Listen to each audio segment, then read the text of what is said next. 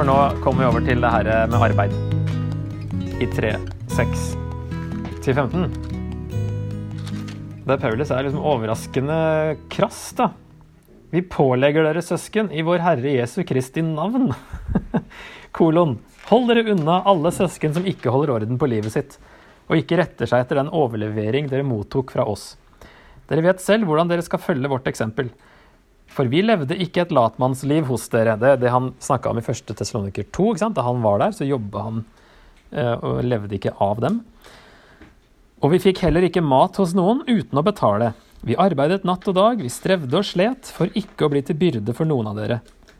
Vi har nok full rett til livsopphold, altså fra hva Jesus hadde sagt òg. Men vi ville gi dere et forbilde, så dere kunne følge vårt eksempel. For da vi var hos dere, ga vi dere dette påbudet. Den som ikke vil arbeide, skal heller ikke spise. Vi hører nemlig at noen blant dere ikke holder orden på livet sitt. De arbeider ikke, de bare går og driver. Slike folk pålegger og formaner vi i Herren Jesu Kristi navn at de skal arbeide i det stille og spise sitt eget brød. Men dere søsken, bli ikke trette av å gjøre det som er rett og godt, og hvis noen ikke vil adlyde det vi sier i dette brevet, så merk dere hvem det er. Ha ikke noe med ham å gjøre, så han kan se sin skam. Regn ham likevel ikke som en fiende, men vis ham til rette som en bror. Veldig alvorlig, det her med å snylte på andre og ikke jobbe. Så hvis vi tar bare litt om det, da. Generelt så var det en forakt for håndverk blant aristokratiet i Romerriket. Det å liksom jobbe med henda, det var sett ned på. Det var liksom ikke de rike og fine som gjorde det. Og kanskje det er noe som ligger bak her. da. Og Paulus sier at nei, dere skal jobbe med henda. det er sunt. Og om de kanskje hadde sluttet å arbeide fordi Jesus kom snart igjen, og at noen av dem da levde på andre. Og når han sier Her er i hvert fall et sånt uttrykk eh, at eh, det som ikke holder orden på livet sitt, er et militært uttrykk om de som ikke følger ordre, eller ikke oppfører seg ordentlig. Og ikke holde orden på livet. Det var sånn et negativt uttrykk, da. Paulus og Silas var eksempler på motsatt livsstil. Det sier han, de betalte for maten de fikk, og de arbeidet hardt natt og dag for ikke å være noen til byrde, som vi så i første Tessaloniker også. Tidløs sannhet på det her, da? tenker dere om det? Er arbeid bra eller dårlig? Arbeid er bra. Arbeid er bra. Her er et nytt sånn uttrykk. da, Vet ikke om dere har hørt det, siden dere ikke hadde hørt uh, babyen og badevannet. Men uh, lediggang er roten til alt ondt. Det er også et gammelt ordtak. Gå rundt og bare driver, så finner du på mye tull. Arbeid er en god ting som Gud har innstiftet. Når vi jobber, ærer og tjener vi Gud. Jeg tror generelt at vi kan si at det er bra for mennesket å arbeide. Det betyr ikke at eh, de som ikke klarer det, ikke skal få hjelp. For det er veldig mange andre bibelvers som snakker om det.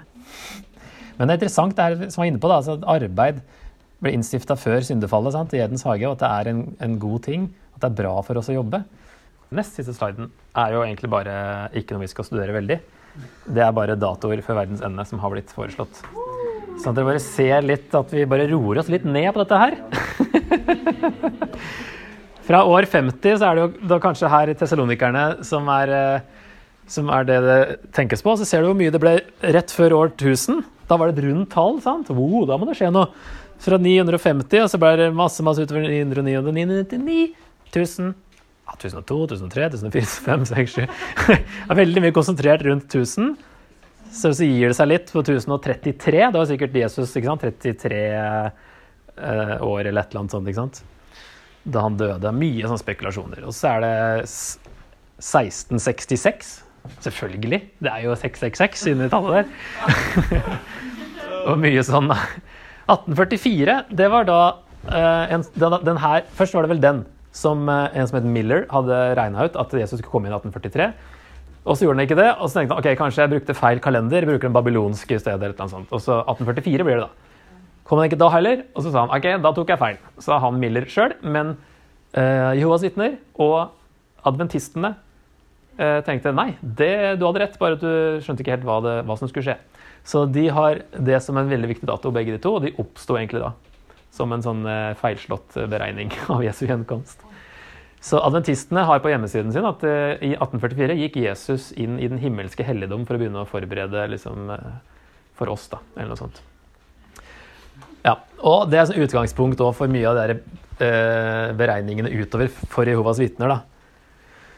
Eh, nitt- Jehovas vitner har 19... fa- ja da, det er 1914. Det hadde 1874. Jeg vet ikke om det var et eller annet 30 år herfra, og så var det 40 år her. Og så tenkte jeg at ja, det stemmer jo, fordi da brøt første verdenskrig ut, og da ble Satan sur. Eller fordi han ble sur, så brøt krigen ut. da. At det var et bilde på at Satan ble kasta ut av himmelen. et eller annet sånt. Ja, Så det har vært masse. 1975, som sagt, var veldig stor. Eh, masse utover 80-tallet. Det var eh, hot topic i min eh, ungdom. og 90-tallet, 2000. Og nå har vi liksom god tid på oss da, til eh, 2028. Men eh, ja, 2012 var den Maya-kalenderen, var det ikke det? Er det så lenge siden? Ja. Så var det selvfølgelig den bugen der og alt det der som skulle rakne. Så, eh, men 2028, 29, 30, jeg vet ikke hva det er for noe, tror jeg. Men det er jo noe for alt. ikke sant? Det er jo så utrolig mye. Så dette er bare for å vise hvor mange ganger vi har tatt feil. Så det er ikke noe vits å prøve å, å finne ut det her noe mer. Tenker jeg, da. Det blir bare Det blir dårlig teologi og dårlig livsstil ut av det. OK. Da eh, Spørsmålene til slutt. Hva sier andre Tessaloniker til oss? At vi er kalt til å leve hellige liv til Guds ære og glede, selv i motstand og forfølgelser. Det har vi i dette brevet. Så kan vi tenke, hvordan kan dette se ut i ditt liv? Har du noe motstand å si, som gjør det vanskelig å leve et hellig liv til Guds ære? Nummer to, ikke bli skremt av endetidsspekulasjoner og beregninger. Jesu gjenkomst er vårt store, herlige håp. Ikke noe skummelt som vi skal frykte. Hvordan lever vi, skulle det stått, livene våre i lys av Jesu gjenkomst? Hva slags balanse finner vi der? Med å planlegge, men også være klar, osv. Og tre, arbeid er en god ting som vi kan ære Gud med, uansett hva arbeidet vårt er. Hva har dette å si for deg?